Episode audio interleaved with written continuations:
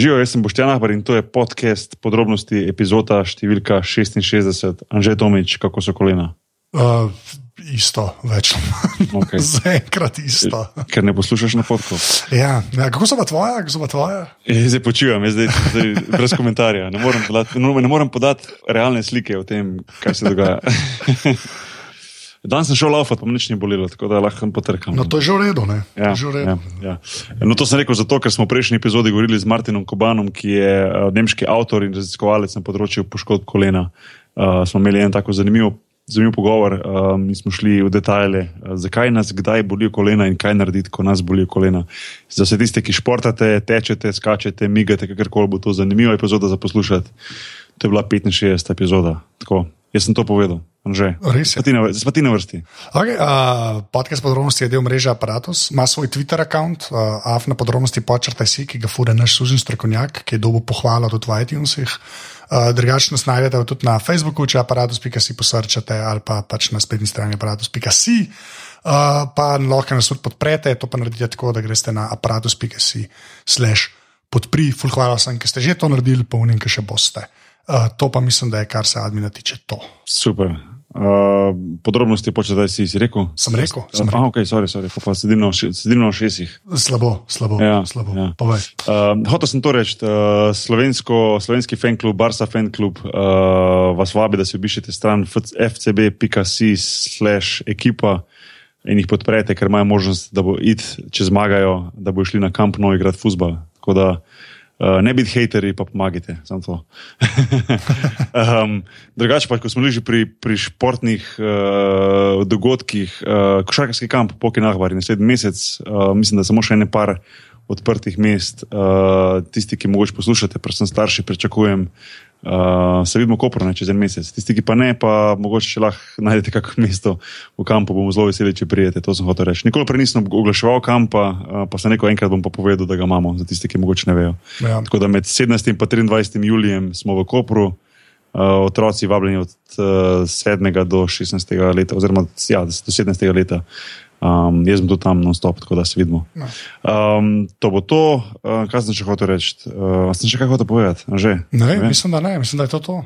Okay. Pa, pa danes pa debata o Afriki, oziroma Gvineja. Um, bili smo, oziroma, ja, jaz sem Seko, Seko Konde, novinar in pa televizijski voditelj, ki ga vidite večkrat lahko, da vodi dnevnik, ko ste strogo gledali skozi televizijo. Uh, jaz pa on pa odprava uh, UNICEF-a Slovenije, uh, smo šli v Gvinejo, ker smo, um, saj upam, verjamem, posneli veliko um, zanimivega materiala, ki ga bomo, oziroma ki ga bojo lahko uporabljali v, v, v dobrodelne namene um, in, in uh, videli na lastne oči, kako izgleda um, ta država, ta zahodnoafriška država, zdaj po epidemiji ebole. Um, bili smo v regiji 3-4 ure ven z avtom um, iz glavnega mesta Konakri um, obiskali uh, šolo, osnovno šolo, kjer otroci obiskujejo, ki jih je epidemija Ebela zelo, zelo močno uh, prizadela. Tako da je bilo to eno tako potovanje, ki sigurno uh, pusti en, en globok vtis. Um, glede na to, pa, da seko, sekoja um, tudi veže družinske vezi s to zahodnoafriško državo je bilo tudi za njega to potovanje nekaj posebnega, ni bil tam prvič, um, pa verjamem tudi, da ne zadnjič, uh, in je idealen sogovornik, glede na to, da sem bila skupaj tam, pa da on dobro pozna to državo in razmere. Uh, samo že takrat, ko smo bili tam, rekel, da vzam si eno uro časa, pa da naredimo en, en podcast na to temo. Uh, Seko se je takoj strinjal in um, nič ta pogovor v Gvineji je obrodil sadove in sadove in danes se bomo tu pogovarjali o Gvineji. Že, kaj češ lepšega? To, res je. A veš, to je ej, to. Ej, Boki, a štartam. Ne, še prej moram pa nekaj. Ne še štartati. Sam to sem še hotel reči. Live bomo naredili. No? Ja, Ne. bomo, ja, bomo. Ja, Poleti bojo že spet podrobnosti live. Ja, Tako še je. predtem pa bojo tudi live glave. Tako, žive glave so pa 21.6. v desetki se pogovarjamo o Game of Thrones, jaz pižama in dva gosta. Boom. Tako, to je Ja. to. Zdaj pa lahko po mili volji, kogar hočeš, pritisneš na un gumb in štatraš zadevo.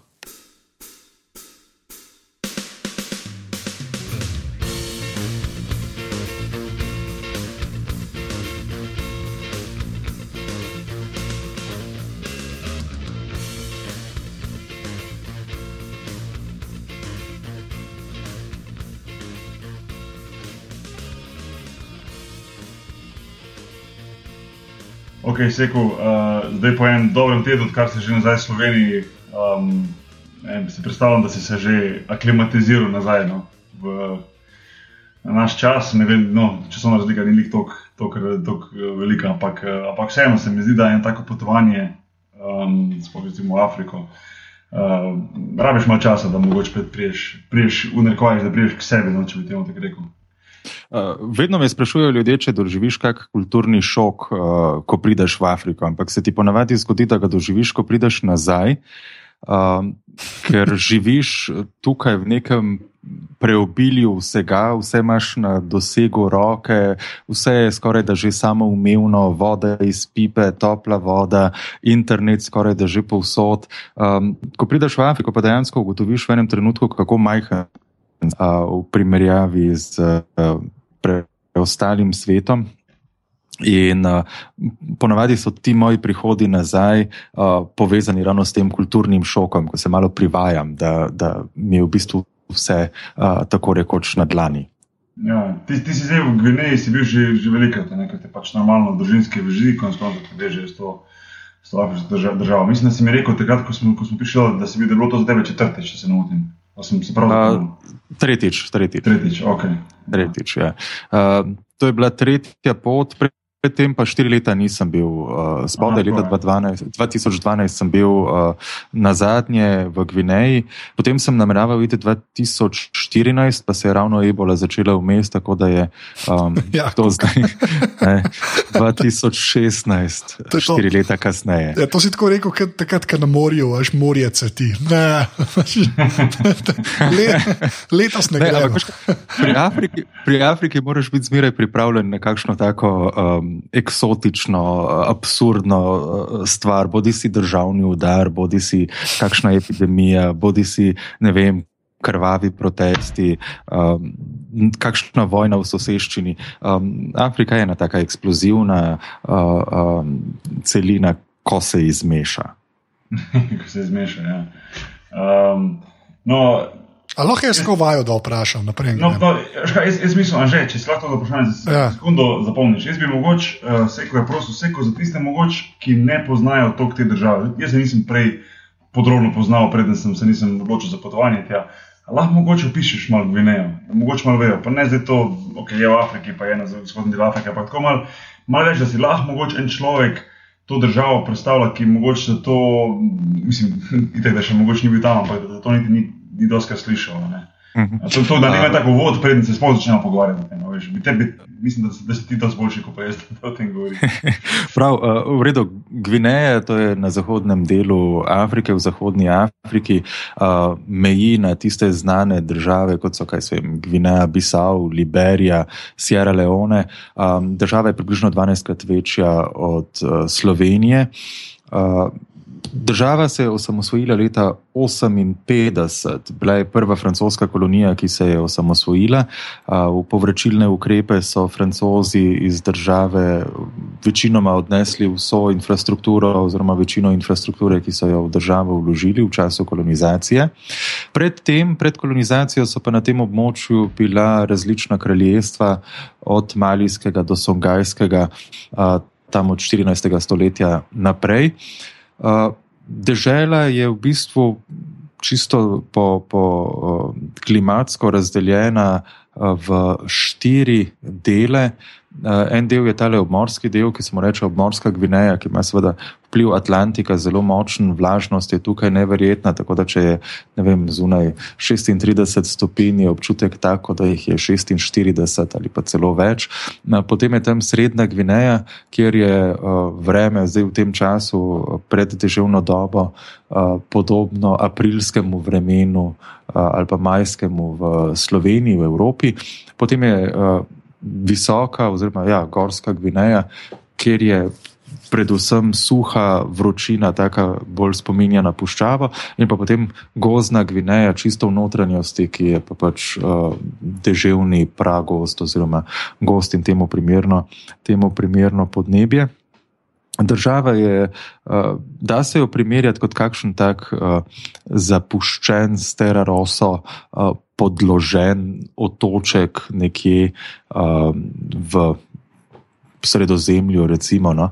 um, je sicer tako zelo, zelo pestra država, uh, tudi kar nekaj. Uh, klasičnih afriških živali, od levov do žiraf, slonov, lahko najdeš tam, večinoma so v, večinoma so v rezervatih. Tako da Gvineja ponuja te klasične pejsaže, ki smo jih navajeni iz medijev v, v, na svojem območju.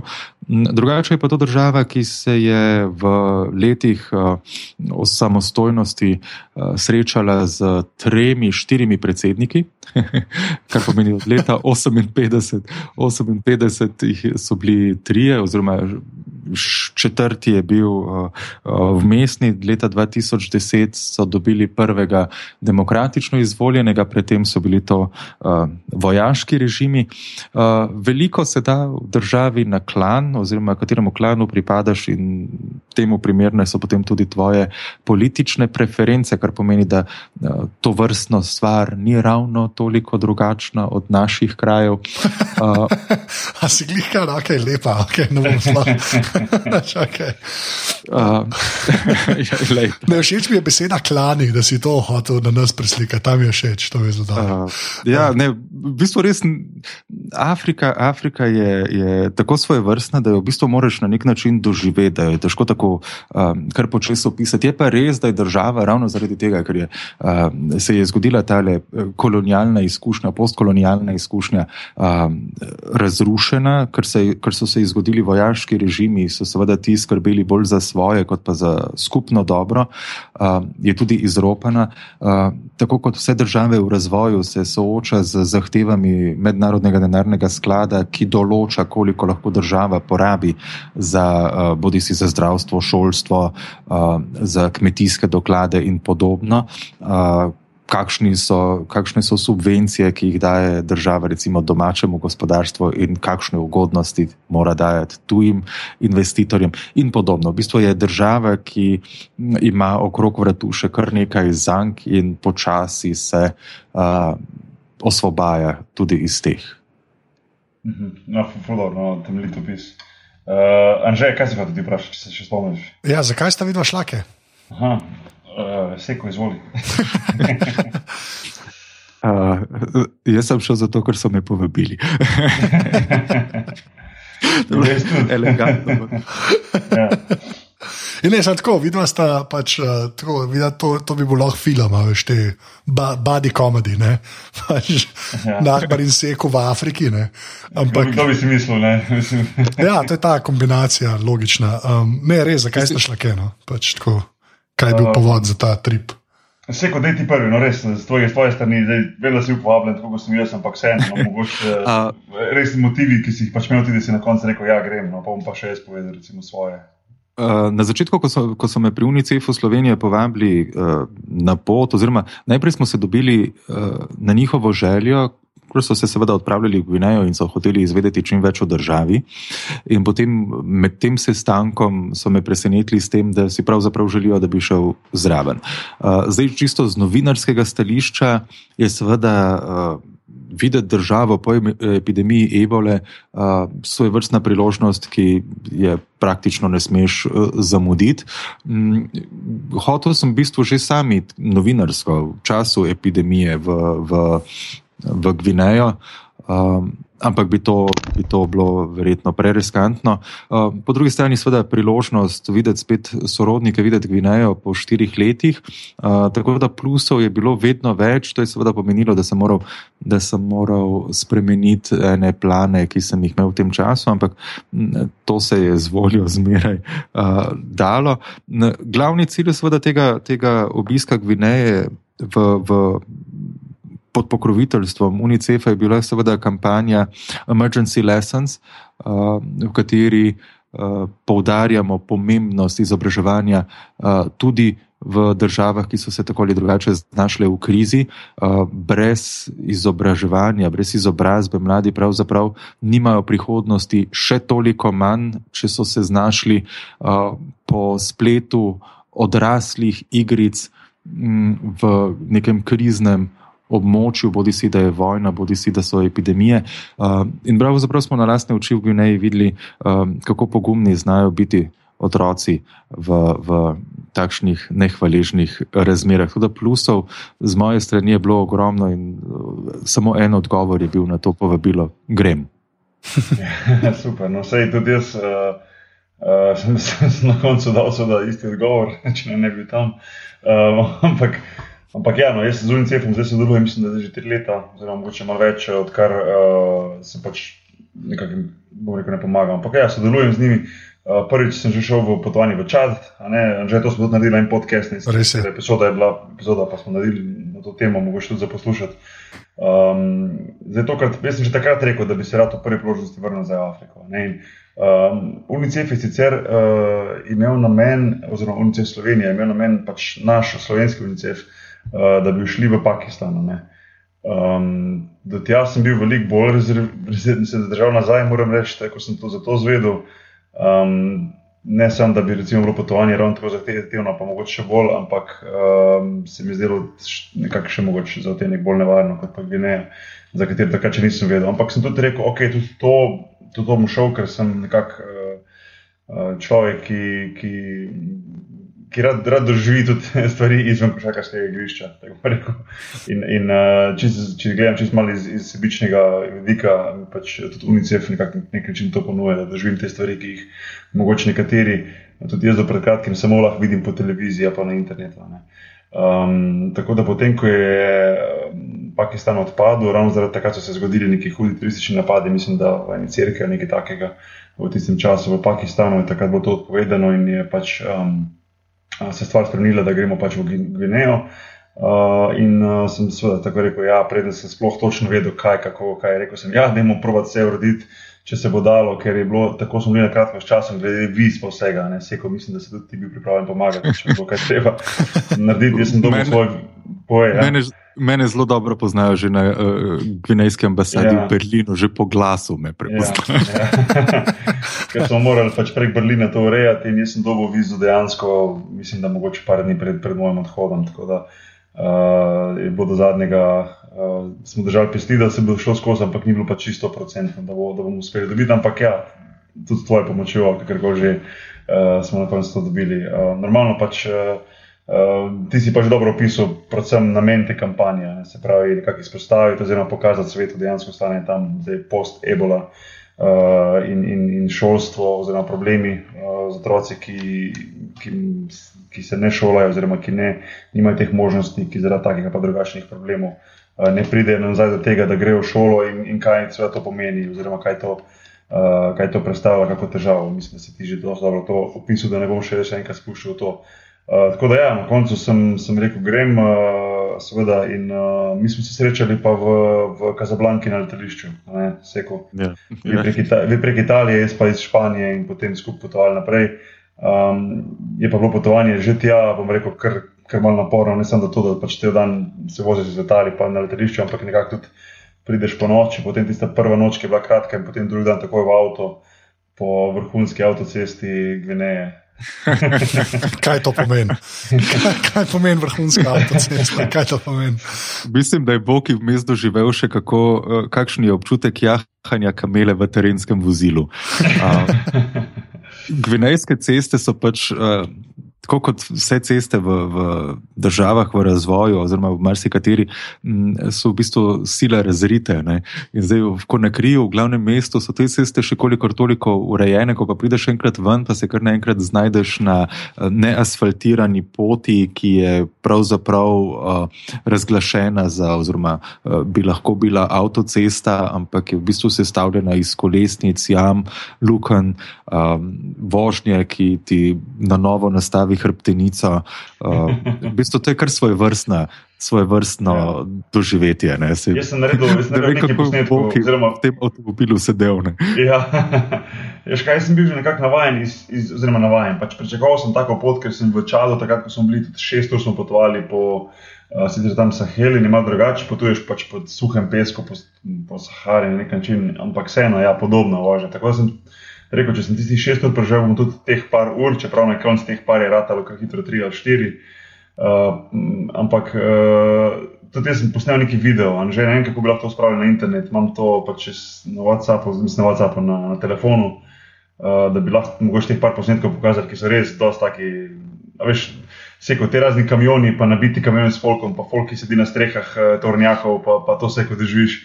Um, tega bom, ne vem, če se bo dal ta posnetek spraviti na net, že pod zapiske je bilo super, da si folk malo vidi. Nekaj sem že objavil na Twitterju takrat. Ja, um, kam damo. Ja, ja uh, in, in, in ja, ta, ta pot, sploh to, recimo, da pač smo šli, mislim, da samo 60 km ven iz Konakrija, uh, vožili se pa nekje 3 ure, pa pol do 4 ure. Da to ti malo pove to razdaljo. Ne?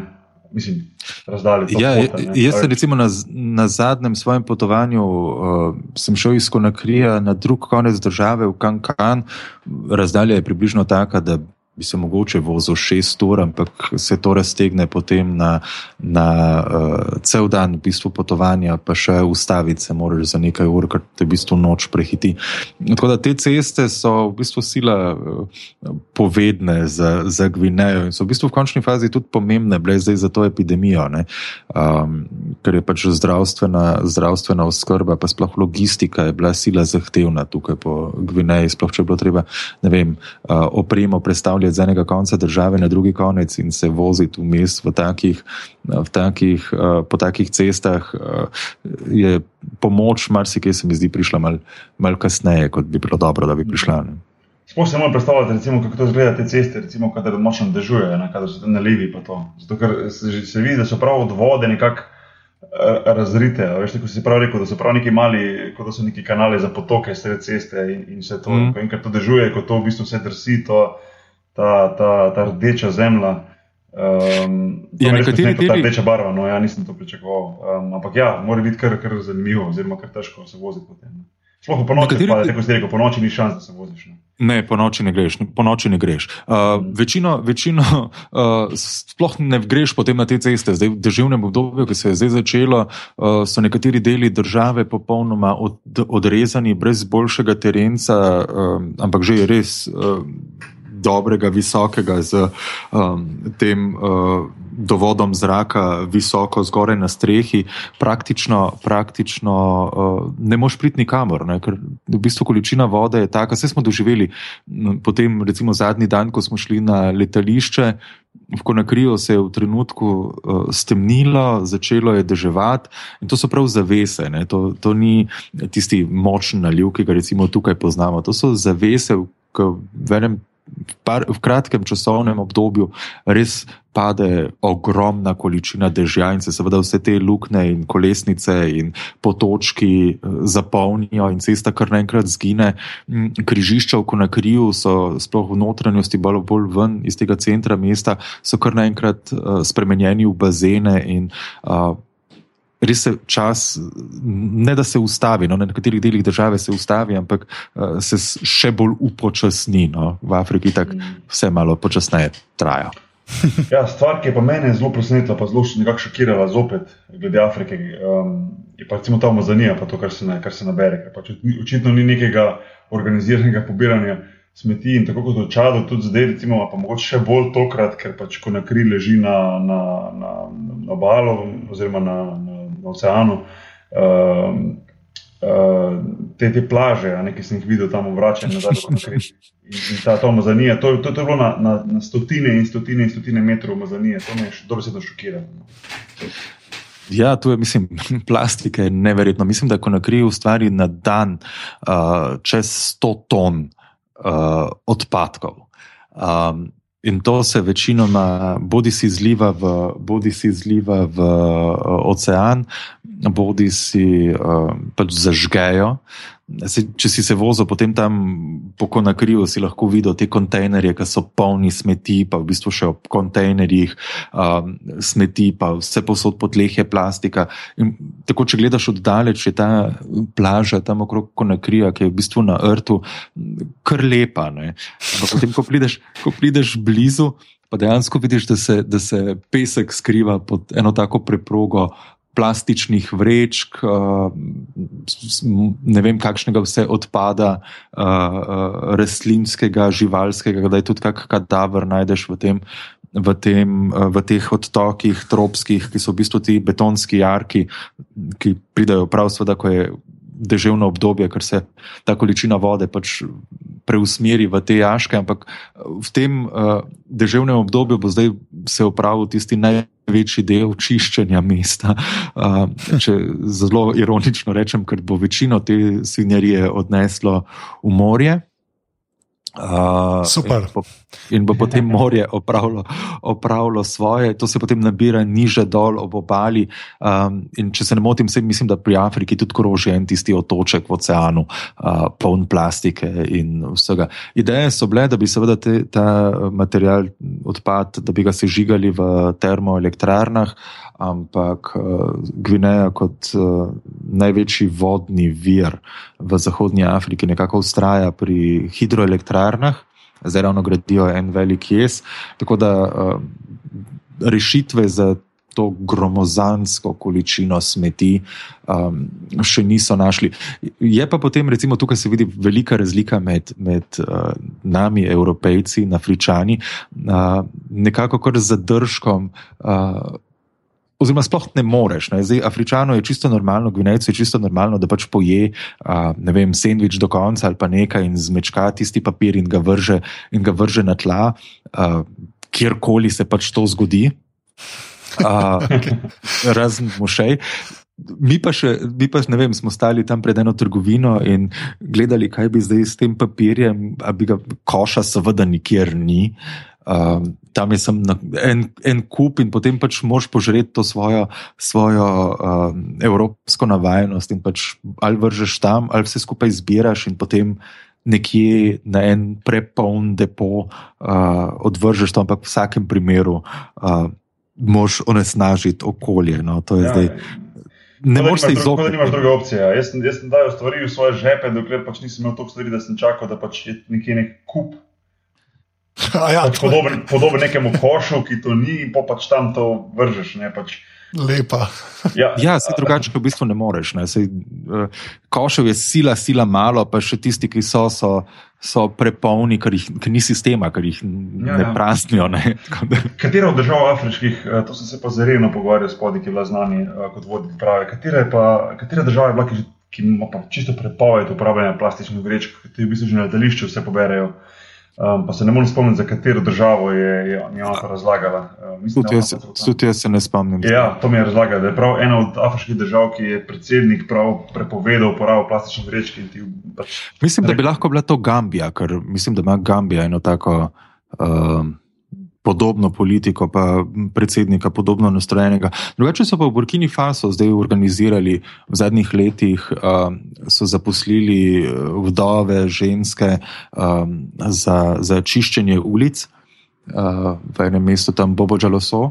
Uh, in se zdaj počasi vzpostavlja to neko um, zavedanje ali pa uporaba javnih del uh, za čiščenje, čiščenje mesta. Mislim, da je njih 8000 žensk m, mm, se s tem čiščenjem ukvarja, ampak uh, počasi se, se prebijajo nekako v spredje, niso še tako, niso še tako močne. Zaradi tega, ker seveda leta in leta mentalitete uh, odmetavanja stvari seveda ustvari več, več svinjarije, kot pa jo lahko ženske v enem dnevu počistijo. Mislim, da, je, mislim, da sem šel na hitro pogled na, na, na Google. Mislim, da je Elena omenila Ruando. Ja, ker se najde Ruanda. Ja, ker je kar nekaj ven vrglo teh, teh raznih člankov o tem. Poslušaj to. Rwanda has been plastic bag free since 2008. The country completely banned plastic bags when other countries around the world started imposing taxes on plastic bags. Offenders smuggling plastic bags can even face, face jail time. To je to. You won't oh. see plastic bags floating around streets, hanging from the trees, and plugging up drains in Rwanda today. To bi bilo nekaj super za Gvinejo, zaradi tega, ker ja, gvinejski zapori ja. so grozljivi. Da, mislim, res ne bi, res ne bi uh, vlekel potem vse plastike sabo. No. Ja, ja. Je pa res, da recimo, vem, uh, v Gvineji dobiš recimo vodo, ne, ker vode ne dobiš kar tako iz pipe, jo dobiš bodi si v um, plastenki. Ne, ali pa v, v temu se reče sašet, no, v vrečkicah. Meni je to zelo zanimivo, v plastični vrečki dobiš že, veš, tako da bi recimo ti napolnil eno. Eno vrečkico, recimo, koliko je noter, tri deci, recimo. Ne, Tako, ne, ne, mislim, da, da je malo več. No, ampak... Jaz sem eno v roki manjše, mogoče. No, um, ja, ja. Ampak ja, že kot da bi neko vrečko napolnil, čemu bi to bilo podobno, kakšna vrečka. Mislim, to ni, Približno tako, kot smo imeli eh, mleko včasih. Ja, tako, tako, tako, tako, tako, bravo. Ja, ja, tako je voda. Ja. to sem, sem dobil roko, pa sem se ne gledal, kaj, kaj zdaj. Malo te presenetijo take stvari, ker jih dejansko nisi navaden. No. Um, to mi je bilo zelo zanimivo.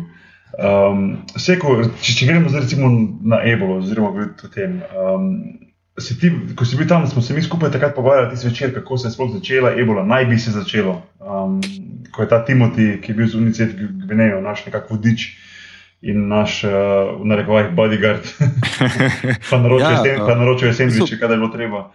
Um, zelo, poseb, njegov no, telefon je bil zelo uporaben, ko je bilo ja. treba pošiljati, pa hotspote ustvarjati, zato da smo ja, lahko, ja, ja. Da smo lahko delali. Um, ja, smo se v bistvu pogovarjali takrat. Uh, sicer variant je bilo več, ne, tiste prve medijske, um, prve medijske uh, objave so bile, češ, da naj bi jedli neko uh, meso netopirje oziroma nek bušmit, pa se je potem izkazalo, da so v bistvu tam na meji za Stjera Leone eni odročni, odročni vasi um, požigali. Ne, zdaj, ko smo se peljali spodaj, so vse posod zdaj pred državnim obdobjem naredili čistli teren za požiganjem. Ne, um, uporabljajo še to staro metodo izčiščevanja kmetijskih površin. In, um, je tam nek, nek uh, kot sem razumel, nek uh, netopir, ni pravočasno odletel in se je zadušil in je tam padel, in so se neki otroci igrali s tem, ne, mm, s tem truplom netopirja. In je ta dveletni otrok uh, se okužil, to je sila redko, da se prenese uh, virus z živali na človeka. Um, pač morajo biti vse uh, vsa nesrečna naključja v pravi konstelaciji. Um, in potem je šel uh, ta otrok domov in je seveda doma okužil še ostale, je umrl kasneje. Um, je pa ta ebola tako zahrbna s temi simptomi, ker so podobni, ker so podobni uh, malariji, pa malo koleri. Uh, in, in je težko bilo v prvih tistih mesecih. Ne, to se je de decembra 2013 zgodilo, prva poročila uh, eh, WHO-ja so pa prišla v začetku, uh, v začetku leta 2014, kar pomeni, da je par mesecev kar trajalo, ne, tako da se je ta mislim, bolezen lahko eh, širila nezadržno okrog. Seveda, na začetku so bile pa pač druge, druge teorije, zakaj je do tega prišlo. Mm, kolikor smo se pogovarjali z zdravstvenimi delavci, pa tudi ni šlo za tisto tipično, uh, tipični sev ebole, uh, pač za, irsko, za, za irsko verzijo, um, ker tukaj ni, šlo, ni bilo toliko primerov krvavljenja, krvavitev iz notranjih organov in iz sluznice. Um, tako da v bistvu si res morda mislil, če si, če si obolel za ebolo, da imaš morda malarijo, ker so simptomi čisto isti, povišana temperatura, utrujenost, uh, tresavica, uh, vse te, vse te neke, neke podobnosti so tukaj med malarijo in ebolo, in dokler pač ni prepozno, ti, ti sploh. Uh, Ne veš, da, da imaš ebolo, ne, sveda, če ni, ni laboratorija, ki bi to preverjal. No, dejansko sta si tako podobne. Mislim, Če, kaj, ampak to je ista ebola, kauna, kjer tudi krvaviš, pa sam to se ne kaže, ali to je nek drug strain, ali kako to deluje? Ne, v bistvu so zdaj zdravstveni delavci ugotovili, da, da je to čisto podoben, čist isti sev kot tale, ki pri katerem naj bi krvavel, ampak tokrat niso. Je pa, je pa obstajala ena študija, ki so jo naredili že v 80-ih letih, pa so vsi na njo pozabili. Obstajala je ena študija, kjer so ugotovili, da je dokaj visok procent ljudi v Zahodnji Afriki, ki so razvili nek, neka protitelesa oziroma imajo v nekem genskem zapisu neko rezistenco na ebolo. Kar pomeni, da je v teh krajih očitno ne, v toku zgodovine nekaj podobnega že bilo. Zdaj, možno je ugibati, da je pač ta upetost uh, neke rezistence na, na, na ebolo pripeljala do tega, da so bili pač simptomi nekoliko drugačni. Ne? Je pa bila na drugi strani smrtnost visoka. Uh, v Gvineji je bila to 66,7 odstotka, v Liberiji je bila še više, ker je bilo več, več uh, smrtnih primerov. Uh, nekako čez palec je veljalo, da naj bi bila, naj bi bila tam 80 odstotna, 80 odstotna smrtnost, ampak ta podatek je prihajal ravno iz Zairja, zaradi tega, ker tam se je ebola zgodila na zaprtem območju, na goratem območju, ki je pač obdan z hribi in ljudje iz tega območja niso tako odhajali. Ven torej je pač ebola, uh, kot se to zdaj grozno sliši, pobila populacijo v tej dolini, ni se pa razširila ven. Tukaj v Zahodnji Afriki se je pa pač zgodilo to, da je, da je ta prostor med Liberijo, Gvinejo, Sierra Leone sila mobilen. Ne? Tam Ja, res, da recimo, so že podatek, da, oprostite, prekinem, že podatek, recimo, da so se otroci iz Sierra Leone recimo vozili v šolo, tam, kjer smo mi bili, v, v Gvinejo. Točno to je. Zanimivo. ne? Točno to, ne. A ste šli v mejo, mogoče pogledati sploh, kako to zgleda, ker pač blizu tam, kjer smo bili.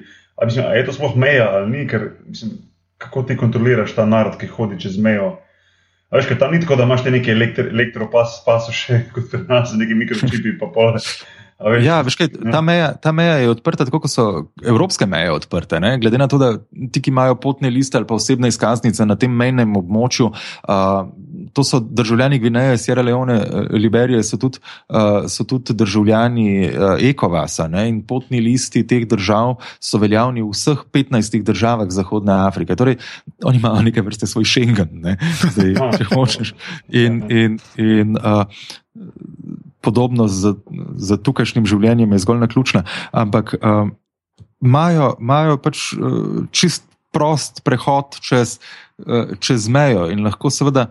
Vse pre, prenesejo čez, tudi, tudi uh, virus. Na drugi strani pa smo recimo poslušali zgodbe, kako so ljudje hoteli prikriti ne, to, da Je jim to, je se nekdo to, ja. umrl Ja. za, za ebolo, da so ne vem, se spravili na, na motor, um, od spredaj voznik, v, od zadaj nekdo spremljevalec, vmes pa truplo, oblečeno s sončnimi očali in so ga poskušali prepeljati čez mejo, da bi ga pokopali, recimo uh, doma. Uh, ogromno, ogromno enih takih um, čudnih zgodb, ko so skrivali truplo doma. Um, Da je, ne vem, eh, zgodilo se je recimo to, da so, da so eh, v, ravno v Forekarjaju, kjer smo mi bili, Uh, se, je, se je zgodilo kar nekaj, nekaj tudi napadov na zdravstvene delavce, pa na policijo. Recimo. Um, dva policaja so, so živa zažgali, zaradi tega, ker uh, sta prišla uh, na začetku izbruha, sta prišla v Forekarja oziroma tam v okolico in sta razlagala, da bodo vsi, ki bodo trupla skrivali doma, morali iti v zapor. Uh, Ja, ljudje so. trupla, trupla so pa skrivali doma, zato ker pač, če sem jaz prav razumel, oziroma popravim na kjerkoli točki, da pa, če pa njih tudi navada, da ti v bistvu imaš umrlega doma, ne, da ga nekako umiješ, čistiš in tako naprej, tako mi je Timoti razlagal tam. No. Ja, ja, ja, ti Uh, in pač zdaj, te- veš, pač ta, ta ritual je njim zelo, zelo, zelo pomemben. Ne. Točno In to je. Ja. Zdaj, da ti pride en nek nez, neznanec, nek policaj in ti reče, to pa ti ne smeš delati, to je za njih bilo zelo žaljivo in zelo, mislim, do te točke, do te točke da so bili pač tudi hujši incidenti, ki si jih omenil. Mislim, če kaj bi se morali naučiti iz te epidemije, ne, je to, da moš absolutno spoštovati kulturo uh, uh, prostora, v katerega prihajaš. Ne. Um, ker je tukaj, recimo, uh, WHO, pa zdravstveni delavci so naredili enih takih, cel kup nekih majhnih napak, uh, ki se ti lahko zgodijo v bistvu. Uh, Kot posledica tudi stereotipov, recimo, ne, če čist tako. Um, pač predvidevaš, da bodo ljudje delovali tako, kot bi ti deloval. Ne? Ampak, če si zdaj predstavljamo, da v Sloveniji izbruhne epidemija ebole, recimo na, v, Prekmurju. Ne? In če, da- zakaj, zakaj jih prek morja? Zdaj bo Ne nekdo vem. poslušal, pa se bo vrnil. Ne, vzel, sem, vzel sem Prekmurje zaradi tega, ker je ravnica, ne? ker, je, Okay. ker pač ima to možnost hitrega širjenja okrog, uh, hitro si na Mačarskem, tam čez hitro si v Avstriji. Glej, pač vzel okay. sem neko primerjavo, tako um, nimam nič proti Prekmurcem, okay. da ne bo zdaj kdo. Tako zdaj vzel. Ampak recimo, eh, da bi se to zgodilo v Prekmurju in da bi kar naenkrat priš, prišli vem, iz Amerike, iz, iz, iz uh, Anglije, iz Francije, zdravstveni delavci, bi prišli v eno vas, uh, bi vdrli noter v, v, v hišo, začeli pobirati uh, mrtve, jih dajati na, ne vem, na nosila, v rešilce in bi jih odpeljali brez kakšnih jasnih pojasnil, kaj se pravzaprav uh, dogaja. Ne? Recimo. In da bi pri tem vredno, zdaj tukaj je primerjava taka, ker smo vseeno v nekem istem kulturnem, uh, Tam je kulturnem pa le drugače. Ja, tam je pa le drugače.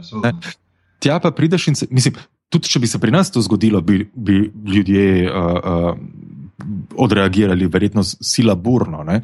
Tam pa še toliko bolj zaradi tega, ker je pa vzorec bil čist, kulturni vzorec čisto drugačen. Recimo ta primer, z- ki se mi zdi fascinanten, res. Um, primer body bagsov, ne, uh, vreč za trupla. Uh, oni so prišli tja z črnimi vrečami. In v teh krajih ne, ne pokopavajo ljudi v črnem. Ne. Že prej si omenil, kako je pomembno uh, spoštovati ritual očiščenja trupla, uh, povijanje trupla, uh, izkazovanje neke spoštljivosti do umrlega. In potem pridajo, pridajo uh, ljudje črnih, uh, z črnimi bodybagi, v resnici pa tukaj vse pokopavajo zavito, zavite v belo. Ja, ja, ja. In potem Aja, so seveda okay. ljudje skakali do teh, tru, do teh vreč, jih odpirali. Ne, uh, in prišli še dodatno v stik z, z, z uh, telesnimi tekočinami, ker virus se prenaša uh, preko stika z uh, No, telesnimi to mogoče, tekočinami. vse kot to. Jaz, jaz sem prav razumel, recimo takrat, ko smo se tam pogovarjali, prvih sedem dni ti niti ne kažeš simptomov, šele po sedem dnevu nekako ti začneš kazati simptome, se pravi, to, to je zelo zahrtno. a ne.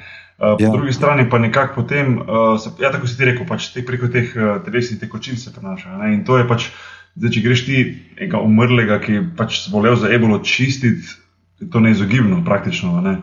Ja, Zdaj, ja, sploh ja. glede na način, ki ga oni počnejo tam, se pravi, vsaj pred tem izbruhom te de- dezinfekcije, ki smo jih zdaj videli tam, kako jo upoštevajo, bomo tudi malo kasneje o tem govorili.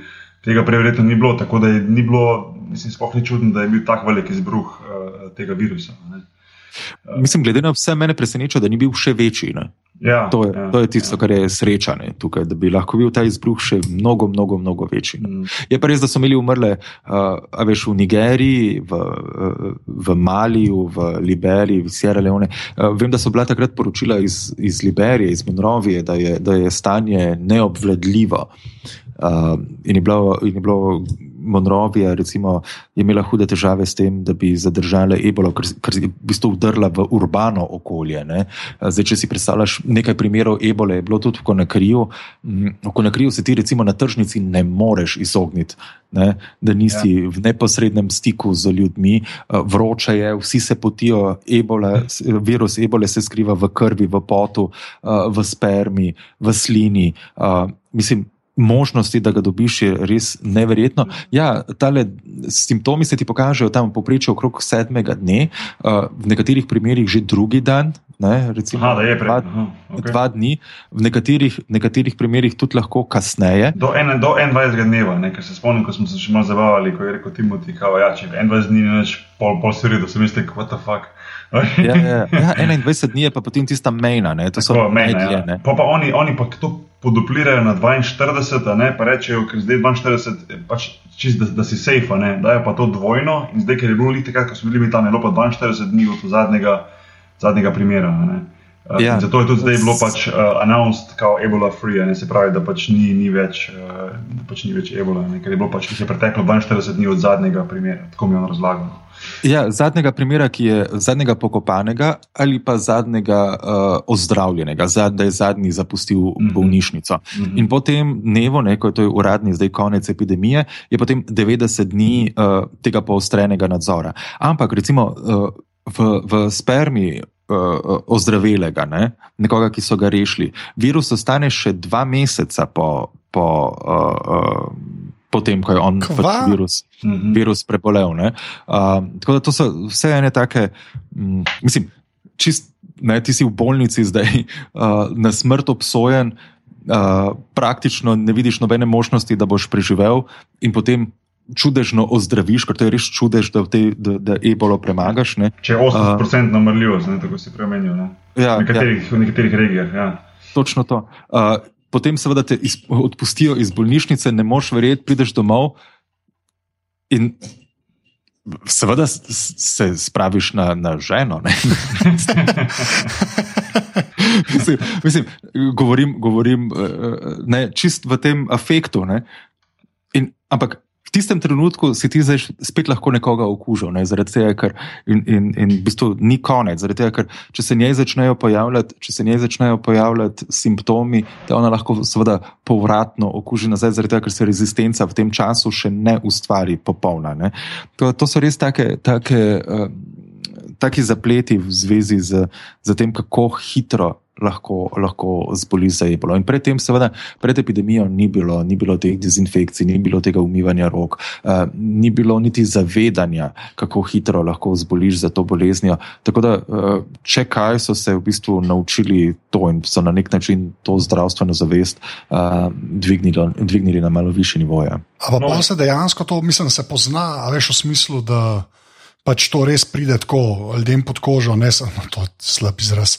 Uh, pač, uh, ne, sem tako, to me ta del me res zanima. Veš, kaj, mislim, kako pa pol s temi pogrebi, veš, štekam, da se je treba prilagajati, ampak pol obstaja saj nek zavedanje da mogoče ni ta ja, najboljši, da ga imaš doma. Uh, Vse, kot ti si se verjetno potem, ko si šel še veliko več o tem pogovarjati, pa imaš mogoče malo drugačne izkušnje. Jaz, recimo, že kar sem, kar sem jaz tam doživel, ne, v tej te regiji, ko smo bili v tem mestu, pa Melab, ki je pa čist na meji z, z Sierra Leone, uh, ki smo obiskovali to šolo, sem bil. Zelo, zelo pozitivno presenečen nad tem, kako otroci, oziroma vsi v šoli upoštevajo ta navodila, um, kako se v bistvu uh, uh, dezinficira, da rečem temu tako. No. Um, Sej, jaz ne vem, no, meni je bilo to res fascinantno videti. Se pravi, že pred stopom šolo ti zmerijo temperaturo, resno temperaturo s tem aparatom. Uh, pa ne to un, na srebro, ko moš čakati 10 minut, ampak ima tako pištolo, ki ti to v par sekundah uh, zračuna.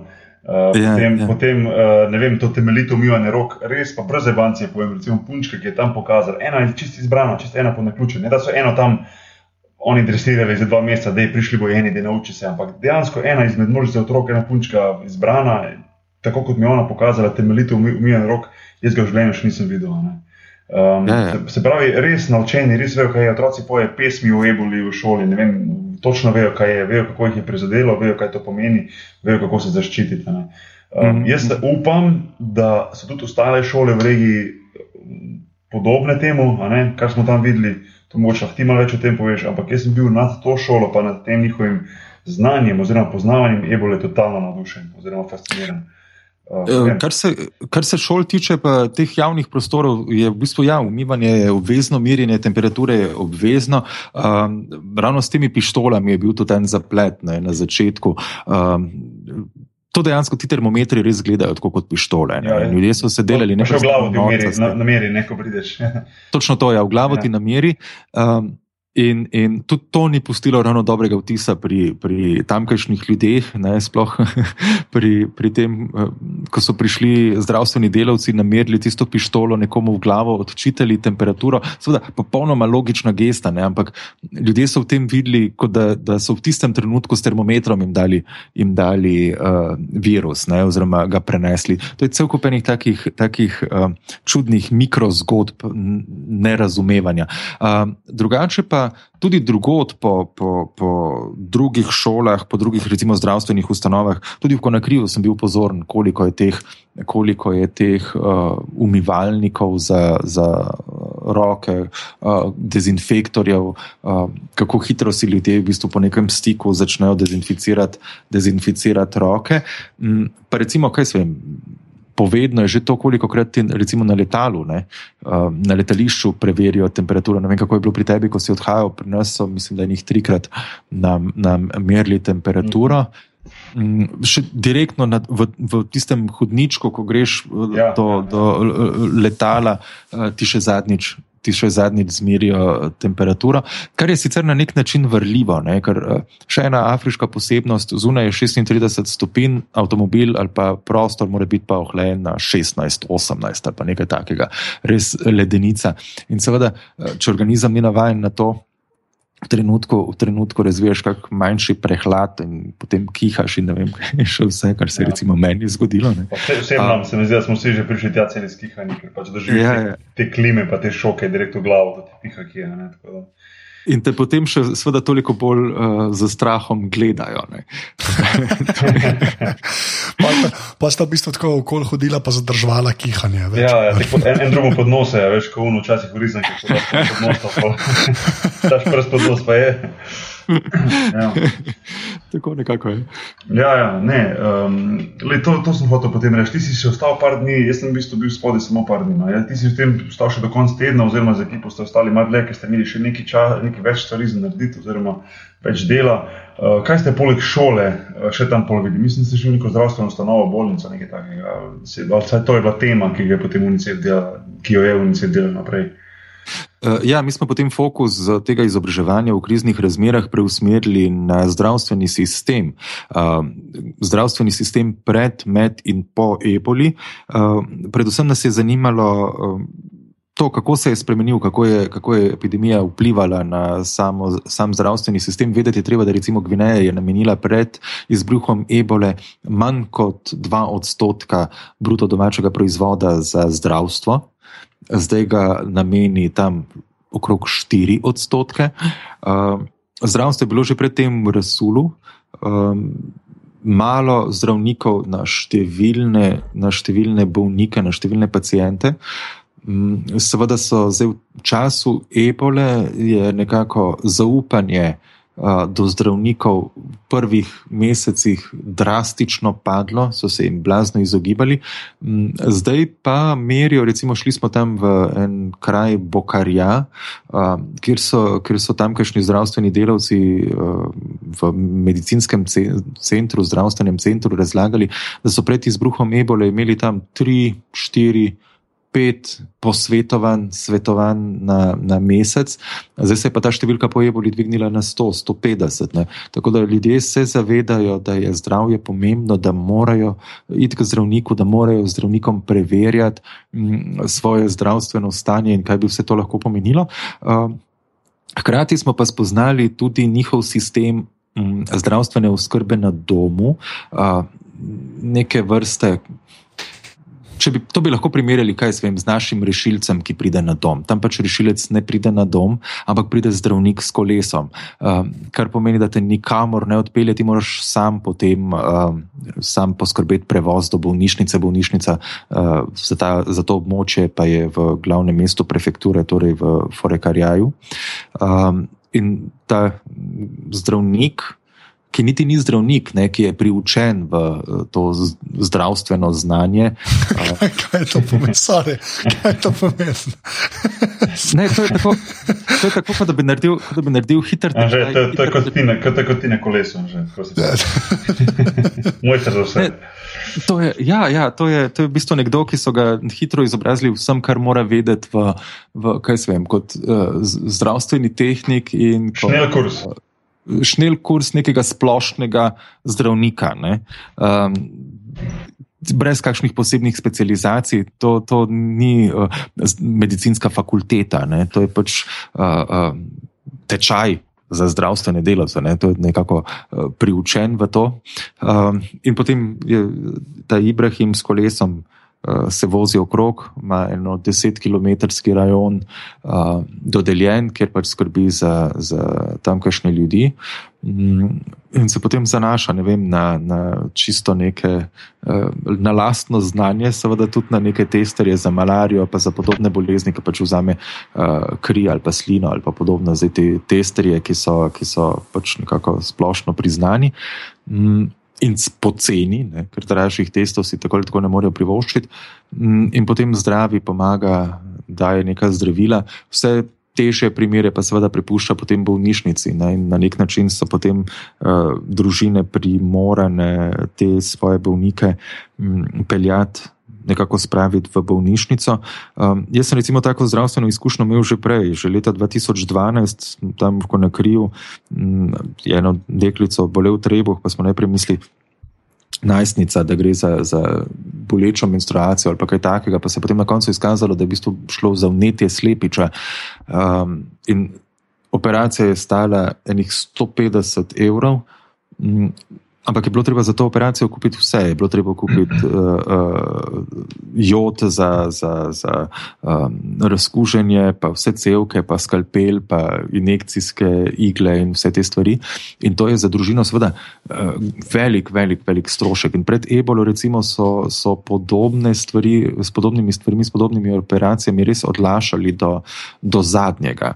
Ne? In pa še po, ponavadi so fanta dali prej uh, peljali k zdravniku, kot pa dekle, ne? tako da so bile dekleta tukaj nekoliko zapostavljena. Zdaj, po epidemiji ebole, se je pa to seveda m, spremenilo, uh, več je obiskov pri zdravniku, uh, več je posvetovanj z zdravniki. M, Se pa ugotavlja, recimo, da nekateri, nekateri zdravstveni uh, problemi, kot pa so recimo nosečnost, ne, nosečniški problemi, nosečniške težave, pa še vedno ostajajo bolj strogo v tem kulturnem vzorcu, ker se pač, ker se pač nosečnost skriva. Ne, um, ne da je nekaj grdega, ne, da pač, ampak um, nosečnost se skriva in ženska govori do zadnjega, ne, eh, da ne, ne, ne, da ni noseča. Da pač, to je pač sodil neko to kulturno, kulturno uh, podobo teh, teh krajev. Mhm. Tako da uh, edino, edino nosečnico imam, da obisk ni tako narastel, za vse ostalo pa je. Um, prek, prek Twitterja smo dobili nekaj vprašanj, recimo tisti, ki pač poslušajo, um, ko jih zanima ten pogovor. Um, recimo, eno vprašanje je bil, um, so otroci obremenjeni v narekovajih z dobrinami zahodnega sveta, dobrine v narekovajih tudi, ali so zadovoljni s tem, kar imajo. Um, kaj menimo mi dva, glede na videno. No, um, ne vem, ker bi to, bi to sploh odgovoril, ker se mi zdi, da se dosta teh stvari, ki jih mi tu poznamo, in otroci tam sploh ne poznajo. No, vse tako se mi zdi tako občutek dobro. Recimo, Um, pa tista najbolj popularna zadeva, ki je zdaj nekako imeti telefon v roki in se slikati, in, in to, recimo, to normalno sem jaz, sem jaz naredil. In uh, potegnil žepa telefon, uh, jih posnel in potem jim kazal te posnetke. Uh, je bilo takoj vidno to, vidno to neverjetno navdušenje nad tem. Sicer ne vem, kako imajo oni tam dostopa do teh stvari, jaz sem bil pač tam na tej šoli in se mi ni zdelo, da, da bi lahko uh, lah imeli kaj preveč. Uh, ampak vseeno, um, recimo pri otrocih vidiš to, to razliko med našimi otroci, ki so že nekako obremenjeni s tem internetom, pa s telefoni, pa, uh, pa vsemi temi stvarmi. Ta in pa recimo taka mala stvar, kot recimo sebe videti na sliki, tako valno navdušenje prenese, da je to. Da je to res nekaj posebnega za videti. No, kako si to doživel, recimo, te, te, te razlike, oziroma, ki si jih videl med našimi otroci in recimo njimi, njihovimi, oziroma na nek način tudi vašimi sekom. um, glede, glede na to, da jih v bistvu, imam že skozi leta več stika z, njim, jaz, z njimi, jaz moram reči, da so, da so afriški gvinejski otroci sila samostojni, dosti bolj samostojni kot so recimo naši, um, naši podmladki ne, na, na tej strani uh, Sredozemskega morja. Um, zaradi tega, ker. ker uh, so v nekem trenutku prepuščeni sami sebi, pa ne prepuščeni v slabem smislu, ne, da se nihče z njimi ne ukvarja. V enem trenutku pač skrb za mlajše prevzamejo njihovi uh, starejši uh, bratje, sestre, bratranci, kakorkoli. To je zmeraj ena gruča otrok, ki so nekako v sorodstveni povezanosti, ali pa tudi to ne, so tudi še uh, otroci z, z cele ulice. Um, In so na nek način bolj samostojni. Jaz se spomnim, kaj se je 2012, je bil tam en fant uh, na, na ulici, ki je vzel tako 10 cm uh, konkretno iglo, jo segrel na, na, nad ognjem, dal zraven silk in si popravil, popravil japonke. Um, Če bi to videli, recimo na, na, na, na slovenskih ulicah, bi se zgodilo dvoje. Uh, zagotovo si ne bi šel popravljati Japonk, zaradi tega, ker bi šel zelo hitro lahko kupiti nove. In druga stvar, če bi mama videla tega otroka z 10 cm iglo, ki jo uh, greje na ognju, bi se izmešala. tam, tam, pa, tam pa tega ni, tam pa ni tega, ni tega zavijanja v vato otrok. Um, včasih, včasih z, z našimi uh, zahodnimi očmi to deluje tudi sila, sila kruta, ampak na nek način so potem ti otroci. Uh, dosti bolj pripravljeni na življenje v svetu, v kakršnem, v kakršnem živijo. Uh, ja, selfiji, telefoni sicer so prisotni, ne? telefone uporabljajo, ampak to so še tiste verzije, ki, če že imajo fotoaparat, naredijo sila slabo fotografijo. Uh, pa po drugi strani je tudi nimajo kje razvitne, ker se, če, če nimaš računalnika, lahko imaš telefon, pa potem imaš, ko se ti enkrat zapolni ta pomilniška kartica, je pač to tone. Imaš pač te te fotografije. Eh, kultura selfijev, pa mislim, da tukaj na podeželju, sploh pri, pri mladih, pri otrocih, ni tako razširjena. Pri, pri starejših mladostnikih pa mislim, da je ta vpliv tudi, uh, tudi prišel do njih. Ampak, v mestu, uh, ja, ne, tam v Konakriju. V, v, v Konakriju, ja, tukaj na podeželju, mm. sicer mogoče kak mladec ali pa mladenka, ki pride, ki študira, ki je v malo večjem mestu ali pa se uči tam, hodi v šole, pa pride potem na vas, pa da bi se na vasi eh, delala, slikala selfie, bi jo vsi na vasi po strani gledali in bi se pač delali norca z nje. Mm, čisto tako. Uh, drugače pa. Ha, po eni strani, ja, stremijo za vsemi materialnimi dobrinami, ki jih ponuja ta svet, um, znajo pa zelo dobro živeti brez njih. Zaradi tega, ker so te stvari vseeno tako oddaljene, poznajo jih. Ne, seveda poznajo, poznajo računalnike, poznajo telefone, poznajo uh, vem, so možno tehnikalijo in tehnikalije, ki jih pač lahko tukaj dobimo. Um, poznajo vse možne igrače, ker jih pač vidijo tudi na televiziji, ali pa o tem berejo, v, v, ne vem, če da dobijo kakšno, kakšen časopis ali pa poslušajo na radio ali kakorkoli. No. Te, te informacije prihajajo do njih, ampak so vseeno tako daleč. Ne, ne vem, zagotovo so že slišali za punčke Barbie, ampak ker je pač nihče še ni videl živo, ne, si je pač ne zaži, razen v mestu. Ne, v mestu seveda prideš, prideš do teh vseh igrač poznajo jih, znajo živeti brez. Ne, to je tista to, glavna razlika. Ta, ta, ta skromnost je recimo, že mene nekako um, niti ne presenetila, ko sem videl recimo, čado, ampak tudi zdaj, ko smo še recimo s tem fantom Almamijem iz šole, ne, v katerem smo tudi uh, posneli malo več stvari, ko smo šli njegovega doma. Ne, njegova mama, pa njegova, mislim, da babica ter dve teti sta umrle pač zaradi ebole. Uh, in smo šli k njemu domov, kjer zdaj za njega pač uh, skrbi oče, pa mislim, da starejši brat, čeprav ne vem, če smo njega spoznali um, ker je bilo kar nekaj ljudi tam. Ampak recimo, to ni ta, ta skromnost, ta njihova hiša, če lahko za naše pojme, to sploh ne vem, če bi lahko rekel hiša, prej nekako libo ali nekaj takega. Ne. Uh, jaz sem šel recimo noter, sem bil povabljen v to hišo, uh, v tisto sobo, kjer je bila ena posla, kjer mislim, da začetno spite skupaj.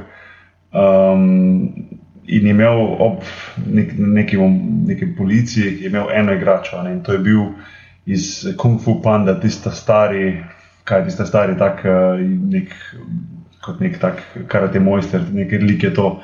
Ampak sploh ne vem, kje je to dobro, ampak vem, da je skumfu panda risanke, ker smo z tam malimi našimi to gledali.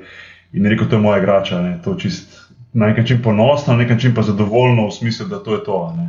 Ja, ja. Um, in, in to, recimo, kar je njemu nekako predstavljalo to, to igro, in to, in, in to je ta nekakšna ta neka realnost za njih, ki jo poznajo, smo tam na podeželju. Ne. Um, tako no, tak, take stvari so, mislim, to je kar je. Ja. Tukaj so razlike. Razlike, so razlike, prosti, no, hočeš, so razlike. No, to, to ja, ja, ja, ja. Um, Ja, mislim, sem, takrat sem kasneje sem potem delal tudi intervju s tem očetom njegovim um, in je v bistvu povedal, da, da uh, jih je v bistvu sedem v družini umrlo. Uh, mi smo v tistem trenutku vedeli za, za babico, za, za mamo, za babico, pa za dve teti. Kasneje je pa pač oče povedal, še, da, sta, da, so še, da so še trije uh, umrli. Ampak tisto, kar ko sem potem spraševal, ne, kako se v bistvu človek sooči s tem, ne, s tako izgubo v, v družini, je v bistvu rekel, da kaj pa, kaj, kaj pa hočemo. Ne?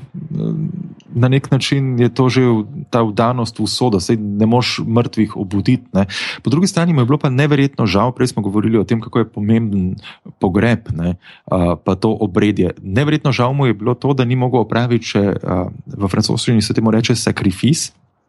Torej, žrtvovanja, nekaj podobnega, kot mi naredimo, potem, ne vem, kaj je to sedmina, ne, mm -hmm, po, po yeah. Ja. pogrebu, ne, ko, uh, ko se vsa družina ali pa vsi sorodniki, pa cela vas ali kakorkoli se zbere in se jih pogosti in se spominjajo umrlega. No, ker tega ni mogel narediti, to, to je v bistvu tisto, kar, je, kar, je, kar ga najbolj boli zdaj. Ne, Sveda, um, čisto iz finančnih možnosti ne more za sedem ljudi pripraviti, pripraviti tega, tega sakrifisa.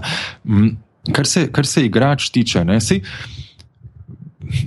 neprestano poskušam nekako primerjati Gvinejo danes z slovenskimi kraji 50 let nazaj ali pa, ali pa tam po vojni.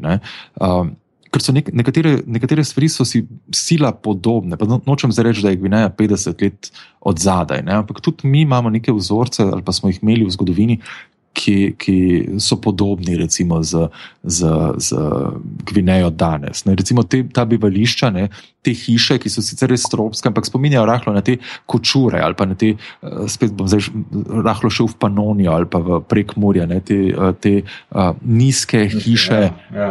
Uh, tudi, tukaj so bile kdaj uh, za slamo krite, ne, ali pa s temi, uh, tukaj so pa zdaj spločevino, ampak na ta način so v bistvu te hiške narejene, majhna okna, kar precej vlage je noter, ta črna kuhinja noter, če že ni na, že ni na dvorišču. Um, tako da, da te podobe znajo biti kar. Uh, Blizu podobam, ki smo jih recimo navajeni tukaj pred 50 leti. Ne. Pa ena stvar, ki sem zdaj opazil že v drugih državah, Afrike, kjer sem bil, da imajo, da ima, mislim, da če bi šel gledati po procentih, po moje, 91% mladih nosi nogometne drese, ne? to je pa neverjetno. Veš, na nek način je to neverjetno. Veš, da, da v bistvu kljub vsem pomankanju, pa vsem tem, da, da je pa tako močen ta prisoten ta nekak globalni nogomet, da se nekako vsi dokopljajo do teh dresov, ki seveda so, mislim, pustimo zdaj po naredki, cena, gordo, ampak da je to tok ta moda, da rečem temu, tako popularna tudi v eni kraju, oziroma eni, uh, eni državi, recimo pa ja, en kraj regije, ki je odmaknjen iz enega glavnega mesta, da vseeno vidiš ogromno otrok s temi drevesi. V šoli in v šolah ne, v šolah imajo tudi tu, recimo pa Melapo, so imeli uniforme. Ne. Ampak ja, ja tako, ja, pa če pogledaš, ja. mislim, meni, meni zdaj ni bilo niti več tako očitno, ampak prvič, ko sem šel v Afriko, sem pa to res opazil, se pravi, ti nogometni drevesi, ali so od Barcelona, Real, Milan, Milan, ne vem in tako naprej. In tako naprej ne. Ne, vse, vse vidiš, ne, ni da ni.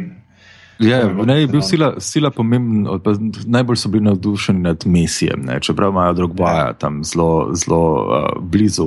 Drugbaja je uh, zdaj že star. Ja.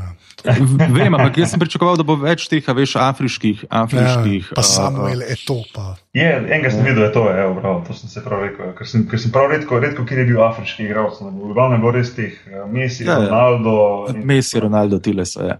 Um, drugače pa ja, veš kaj, vse veš, nogomet je pač šport, ki ga lahko kjerkoli igraš. Uh, in poleg teka je nogomet pač šport, ki, ki marsikateremu mlademu pomeni preživetje, pa ne samo njemu, tudi celotni njegovi družini. Zdaj, če uspe kot nogometaš nekje v širnem svetu um, in zasluži tiste, pa niti ne rabi milijonov, ne, to je najbolj zanimivo. Ti ljudje ne rabijo milijonov, ne, oni so zadovoljni za 100 tisoč na leto, ne, v primerjavi s prejšnjim zaslužkom, kjer je v Gvineji recimo povprečna plača 34 evrov. Uh, mesečno, ne, je 100 tisoč na leto, neverjeten denar, to je že v bistvu milijon.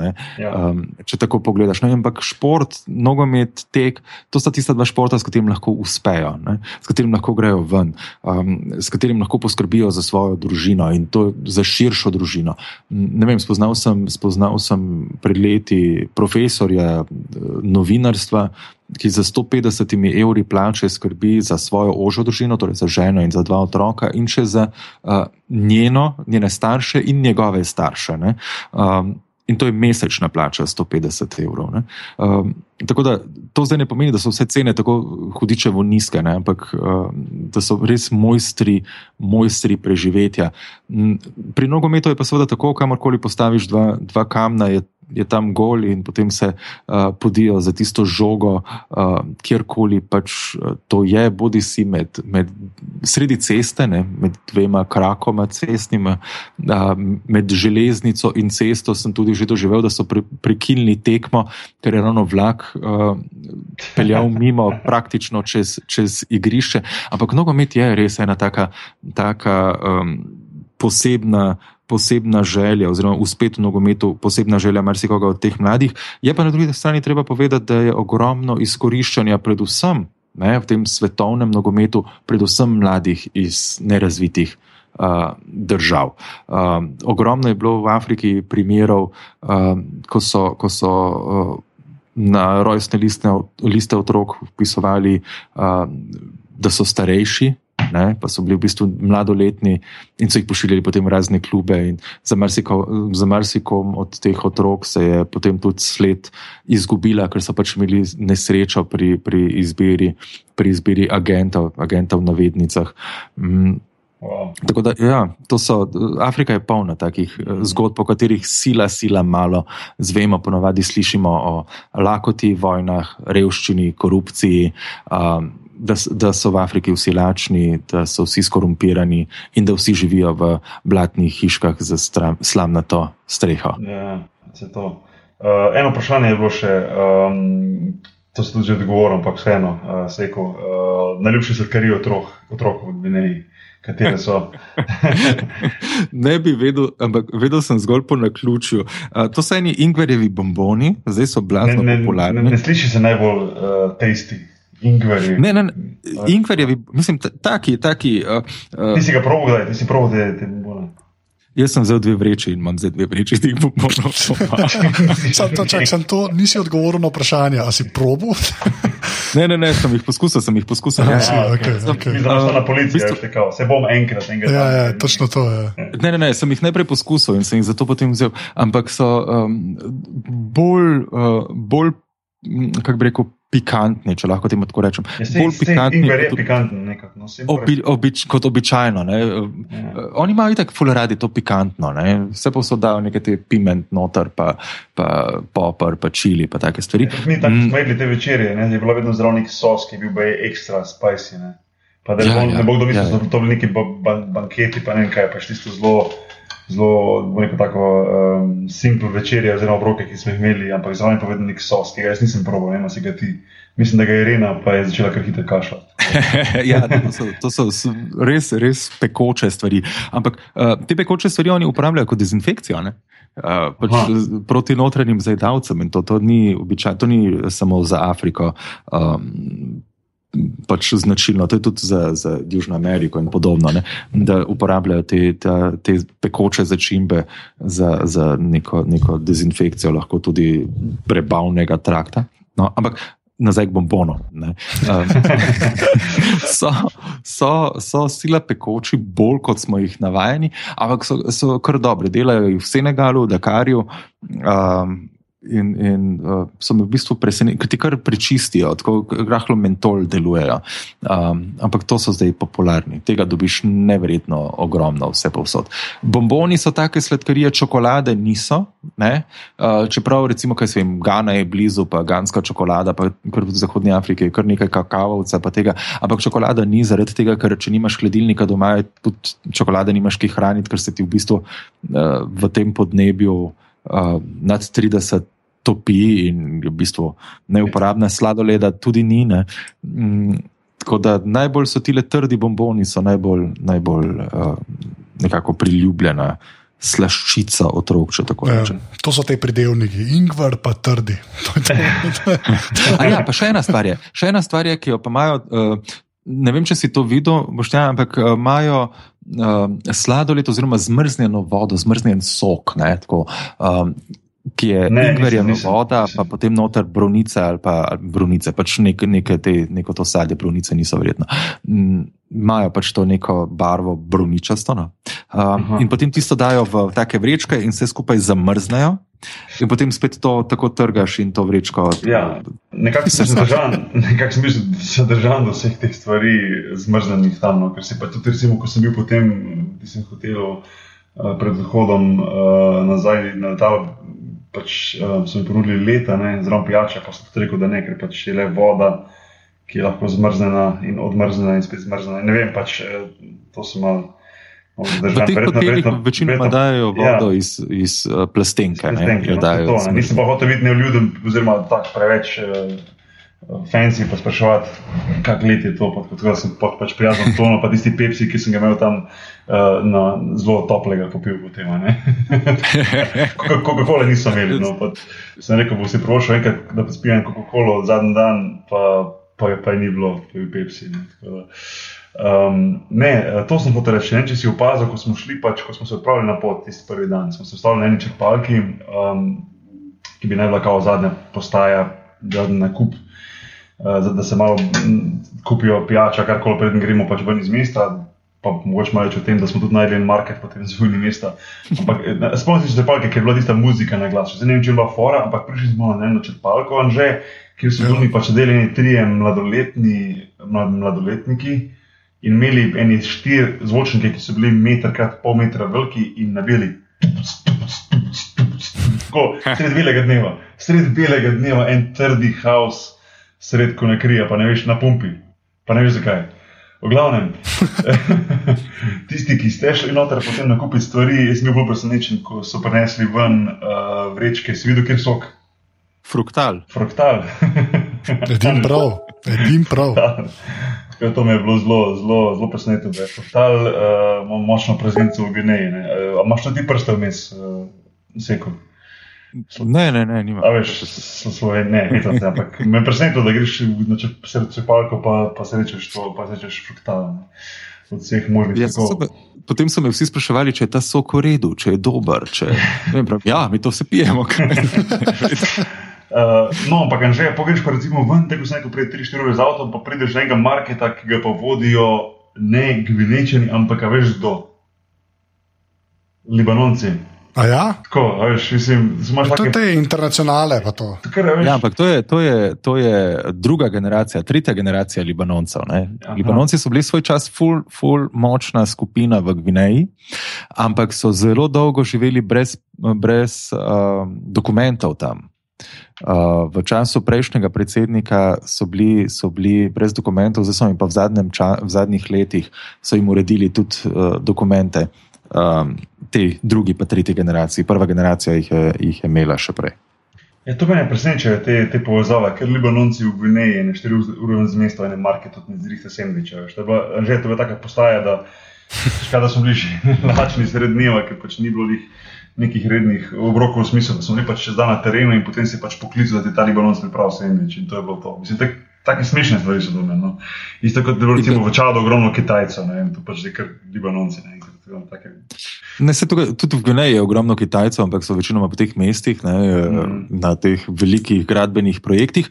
Um, kasneje smo ugotovili, da ta Libanon ima zraven še restauracijo in smo potem v bistvu uh, konkretno dobro jedli. Ne, ampak O, ne vem, zakaj nam tega niso povedali prej.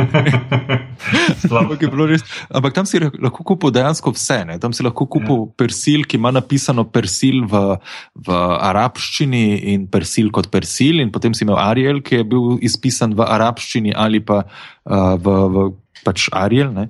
uh, v latinici taki. In brez ni, ni bilo stvari, ki je nisi mogel tam kupiti. Jaz sem tam kupil gvinejski telefon. mm, Ki sem ga potem zdaj pustil, pustil sorodnikom spodaj. Mm, Ampak ja, to je bil pač tak en bazar, ne, kjer si dejansko Ja. Anže, vse dobil. Qu- Quick fact za tebe. Uh, recimo, telefon spodaj mi ni delal. Uh, pač v smislu, da signal je, sem povežete, pa ne. Ker pa je, mislim, da mobitel nima neke pogodbe s njihovim operaterjem. Si mobil, pa mislim, da delal, s tem si mobil sekal. Je Ne, jaz, En, ne, ne, ne, jaz sem imel mobitel, ampak. no, en od nas je eh, imel si mobil, pa vem, mislim, da mogoče Rena in nije pa delal telefon. Mislim, pač Ja, delo pač. Simobil je delal zaradi tega, ker je povezan z tem francoskim operaterjem Orange. Orange in, in uh, ti delajo, ti delajo normalno. Ne. Mislim, A. ni bi toliko zdaj 4G, LTE, ali kaj že, ampak ok, mislim, da se ne vem, poklicati, a veš. Ja, sem to je to, ja, ker po mojem je Vodafone pa Orange pa to. Ne. To je, Ja. ja. enkrat, ki si enkrat v teh mrežah, pa po načeloma posod dela. Ne. Pol je- Ja, ko, si v tem, ko si v tem omrežju. Dobro, se to tudi nič ne pomaga, ker po mojem tam sam pogledaš telefon, pa je 17 evrov, ne. sklepam roaming pa to. Ne. Ja, je, Ja, to se zna kar poznati. ne. Jaz sem sicer si kupil tam telefon, uh, zdaj sem pozabil neki G5 ali nekaj takega, kitajske izdelave, simpatično je izgledal, Android sistem je, je uporabljal, stal je uh, 65, ne, 650 tisoč. Ali 65 tisoč Ja. gvinejskih frankov. Mislim, da je 65, 65 evrov. 65 evrov je bil. Ne? To, je, to je en evro, je 10 tisoč gvinejskih frankov, torej ja, 650. Ja, Ja, sem ja. prav zračunal. No, tako. um, 650 gvinejskih frankov, uh, pa potem še kartica zraven. Tam imaš vse napolnjenje. Ne? Sicer Oranž ponuja tudi, um, tudi naročniška razmerja, čeprav v, razen v mestih ne moš ravno položnic kamorkoli pošiljati. Mm. Zdaj ne, ful- ampak- delam ful reklamo za oranž. Ja, sem Ne, ampak že to je bilo, ful, to je bilo fascinantno. Recimo, ko smo prišli tja, smo vsi zamenjali pač 100 evrov, oziroma jaz sem zamenjal 100 evrov, ker smo pač mogli imeti tiste day-to-day stvari, a ne pač tako sem prej rekel, nakup hrane, vode, sem tja tisto, kar rabiš. In tako ti daš pač 100 evrov, nazaj dobiš pa tako en velik, velik, velik pakl tega denarja in to je milijon pol tistih njihovih, uh, kaj so že? Uh, Gvinejski frank. Franki, Franki, ja. Ja. Uh, tako, mislim, sem imel eno sliko, pa sem pa rekel, da dam to na net, ne pa smisel, ne bo izpadlo malo čudno, da zdaj, veš, kaj pač. Ampak res je smešen film, tako imaš orang pakel denarja, imaš roki, to je že. Zdaj si predstavljaš, da je pa en list, da je pa 100 evrov. ja, ja, vse to, ne. to mora biti kar vreča. Ne. V bistvu, imaš, v bistvu imaš vrečo in potem od zadaj v prtlažniku, prtlažniku uh, voziš ta denar in imaš zraven varnostnika, pač, uh, ki stoji ob avtu neprestano. Uh, zaradi tega, da. Ja. Ja, Gla, za na konec, uh, seko, jaz ne vem, recimo, tvoja ena taka, uh, za na konec, da, da potegneš, pa rečeš, uh, da potegneš pač črto, da rečeš, uh, tvoj zaključek tega potovanja. Recimo, meni se je zdel, vse to, kar smo rekli, je res, ampak na koncu ne bom pozabil tistega, v bistvu, tistega nekakega optimizma, ki sem ga držal v tej šoli, kjer sem bil. No. Um, nekako otroce, otroke sem videl srečne, zadovoljne, um, nekako bolj pozitiv, veliko bolj pozitivne izkušnje kot pa v čadu, takrat, ko sem bil, ker je bilo opaziti to nekakšno razočaranje, pa, pa ta depresija na vsakem koraku, pa nekako tak, brez neke prihodnosti. Uh, tako država, kot neki otroci, ki jih vidiš, nekako so že na začetku svojega življenja, žal, nekako obupali, nekako bi drugače povedal. Uh, tu pa sem videl malo več tega žara v očih otrok, ne vem, to veselje, otroško, uh, zelo dobro se učijo, zelo radi se učijo. To je bilo vidno, to ni bil nek akt, to ni bilo neko igranje, to ni bilo neka naštudirana fora za nas, ampak res doživiš to in, in to mi je nekako ostalo v spominu in zaradi tega nekako upam, da bo šlo v to smer. No. Nekako sem šel potem domov nekako um, optimistno, tako bom rekel. No. Doživiš veliko. Uh, razpon med našim in njihovim svetom je ogromen, ampak nekako sem imel to optimizem, optimizem v sebi. Zdi se mi, kaj drugače to videl, da živel, um, bolj poznaš zadevo kot jaz. V bistvu mene je presenetilo, da ta, ta vredo konakrije je kar spremenjen. Ne? V konakriju so zdaj cel kup stvari, cel kup stvari zgradili, tako da država počasi spremenja svojo podobo, čeprav je, je še ogromno dela in ogromno stvari bo treba postoriti. Ampak ja, tako kot praviš, ne, ogromno je, je te neke pozitivne, eh, pozitivnega pogleda v prihodnost, eh, dobre volje, pozitivnosti, mm, razigranosti, sploh te mladostne, eh, neučakanosti. Se mi zdi, da država kar živi tako, kar, kar utripa z neko mlado energijo. Mm, in če so se zdaj iz te epidemije uh, naučili ogromno stvari, upam, da jih bodo čim dlje uporabljali, da bodo čim dlje uh, boljše skrbeli za zdravje in da bo ta, uh, da bo ta šolski sistem tudi uh, rodil uh, uspešne posameznike, uspešne mlade. Uh, Ki, če bodo že šli ven in marsikdo od njih pošel, da se bodo tudi uh, vrnili ali pa tako drugače pomagali soustvarjati Gvinejo. Mm, super zaključek. Ja. Um, Anže, A si izvedel, kar si hotel zvedeti? Ja, jaz sem že zmeraj v unih vrečkah, voda v vrečkah, tisti mi je noro. Tisti ja. tist ne morem pozabiti. V bistvu. Vem, da ful nočem tako na, na neko banalno zreducirati. Ampak ti si mi je kar, um, ja, wow, ok. Ja. Jaz ful nimam občutka, ti si zdaj že bil v Čadu, seko itak bil parka že tam. Mhm. Jaz sem tako, jaz sem zmeraj, jaz edin, kar sem v Afriki videl, v bistvu je Egipt, no pač jug Egipta. Ne. To je edino, kar sem videl, ampak ti si je tako, ti si že. Pač Tisto je Južna Evropa. Ja, se to sem hotel reči. No, ja, to je v bistvu res, res nima veze s tem. Mi je fascinantno, mi je zmerno slišati, no, ker, je, um, ker vem pa tudi, kako pa to čez medije pride. Ne, se to se lepo reko, seko, ne, da ponovadi to, glik to, da vsi ne delajo. Veš, mislim, več ali res grozen je po svoje. Pozabljamo na nek način, kako je Afrika dejansko velika. Ne? Se to, ja. Veš, to je 56 držav, 8000 jezikov, uh, veš, to so mase, mase ljudi, ki jih pa tako malo poznamo. Um, in če kaj, ne, si želim tudi za ta del sveta, ne, ki ima vse možnosti, da bi vedel več in bi lahko vedel več in bi moral vedeti več, je to, da, da se iz takih epidemij. Eh, ne nauči samo tega, da ljudje nekje trpijo, ampak da jih vse malo začne zanimati tudi, kako ljudje tam živijo izven teh, teh uh, obdobij epidemij. Ne. Se mi zdi, da je tega premalo, ne. da mi za kakšno državo zvemo šele takrat, ko je m, epidemija na vrhuncu, ne. to je bilo za recimo v tem primeru ebole. Uh, ko se je umiralo tam, takoj ko je prva, prv, prvi bolnik šel v Ameriko ali pa v Španijo, nas je bolj zanimalo, kaj se v Ameriki z enim dogaja, ali pa v Španiji z dvema, bolj kot pa to, kaj se dogaja z deset tisočimi, sto tisočimi v Zahodnji Afriki. Ne. Tukaj vseeno imamo eno. eno dvoličnost, ko gledamo v svet, um, in mogoče na ene ljudi, ki si tega ne zaslužijo, prehitro pozabimo. Predvsem mediji. Ja. Um, ja, to, to, to imaš definitivno, definitivno prav. Um, Anže, ne vem, lej, ne vem, kak ti si, ampak če zdaj imaš možnost, ti rekel, da pet. Mislim, vsakmu bi priporočal, pa ne zdaj pet nekam v smislu, uh, da greš na neko, na neko potovanje, neko rizično potovanje, pa to, da, da pač rečeš jasno, to skozi, da potem ne vem, kako se hvališ, kot te, ko si bil frajer. Ampak tako hočem reči, da kadarkoli, če boš kadarkoli v življenju, ne vem, kako je življenje pač nepredvidljivo, veš, uh, možnost iti pogledati ta, ta svet, ki je drugačen. Se mi zdi, da lahko človek, človek iz našega, iz našega znaš, znaš sveta, da temu tako rečem, no, lahko sam profitiram. Meni men to na vsakeč, ko grem tja, zdaj sem že drugič, pa verjamem, da ne zadnjič, da, da te tok vrne nazaj, tak, tak, tak obisk, tak, tako potovanje, da, da enostavno je vredno. Tako da mogoče tudi tisti, ki poslušajo, če mogoče malo oklevate, da ste zdaj imeli priložnost, pa da boste imeli, seveda, treba je narediti vse preventivne korake prej. Um, na prvi način se zaščititi, se, se pozanimati, se izobraziti, uh, o tem, kam greš, um, da pač potuješ čim bolj varno, da ni teh rizikov, oziroma da jih zmanjšaš na minimum. Um, bi pa seveda vsak rekel, da se gre to uh, ne moreš pogledati, ampak da gre to doživeti. No. Saj jaz tako gledam na to. Nikakor ni žal, pa upam, da boš kakšna priložnost v prihodnosti. Um, ne vem, če sem te pripričal, že če ne te pa sabo vzel, pa ne boš me zbirati.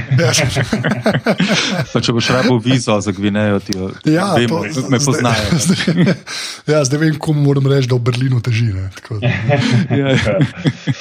že za na koncu, kaj imamo zapovedati? Uh, ja, val, uh, podcast podrobnosti je del mreže Apparatus, najdete ga v iTunesih, dajte tam kakšno ceno, da lahko pa celo mrežo Apparatus podprete, to pa naredite tako, da greste na aparatus.si/slash podprij pa kaj uh, lahko napovemo žive glave. Ne, ja, ki so 21.6. v desetki, kjer se bomo o Game of Thrones pogovarjali. Uh, potem pa um, zdaj že spet kaže, da bomo imeli tudi podrobnosti live, več podrobnosti o podrobnostih live, pa kasneje o prihodnje. Ne. Ampak ja, podrobnosti v glavnem. uh, bo, ja, bo, bo, bo, enkrat, uh, bo enkrat proti koncu poletja, avgust, avgust rečemo. No, ja, gremo tako. Ja, ja, ja. Ja. Uh, drugač pa se, kje se tebe najde na internetu, starim? Uh, v Googlu. Ne, ne uh, najde se me na Facebooku, na Twitterju, kjer uh, nisem tako odprt za nova prijateljstva in sledenja, pa na Instagramu. Uh, večinoma sem pod sekojem konde, ja. vse posod. Drugače pa tudi na TV-ju, no, vsake toliko ne? Vsake toliko sem tudi na televiziji. To je res, to je res. Uh, Boki, kje se pa tebe najde na internetu? Uh, Ed Boki, najvar, Twitter. Imam tudi Instagram, pa zdaj sem na Snapchatu stari. Ja, vem, da si. A ti, a ti vidiš, da sem zelo uspešen ja. Snapchat, repotenom. Ampak, ne vem, ta, ko, sem, ko sem šel prvič na Instagram, sem rekel, ok, to je tako malo, ok, Instagram, zdaj ta Snapchat je pa čisto weird. Pa sploh ne vem, kaj delam. To, to pravi zdaj na začetku. To na ja. začetku reče, pa bo pa točno nič to. Mi ni jasno, no. nič mi ni jasno, kar neki, ok, moj lik od tega. Nekaj od tega. Uh, Obla, ja, uh, ja, to še hoče reči, da je um, Ed, oziroma Afna podrobnosti početa si je poslušen strokovnjak, za katerega je en napisal uh, v iTunesih, da SS je car. Ne? To je res. res. Da, hvala za vse ocene, uh, tudi v imenu našega službenega strokovnjaka na Twitterju. Ed, podrobnosti početa si. Anže, izvoli, kje, kje tebe najdemo? Uh, jaz sem pa Anzeta, posod. Ja, na Instagramu, Twitterju in Snapchatu sem Anzeta. Posod sem anzeta. Kaj, kaj bo pa next big thing, zdaj imamo že Snapchat, kaj bo naslednja stvar? Kaj, ne vem, nekaj, ki bo lep del, ne vem, kaj se bo, ali pa ne vem, kaj se bo zgodilo. Seko, float chat. float chat. uh, Seko, full hvala, ker si v letu. Nekaj hvala za vabilo. Ja, uh, drugač pa uh, to je to, zdaj kaj, uh, adijo, ali kva, adijo. Srečno. Srečno, sem res, ajde, čau. Ajde, čau, čau. čau.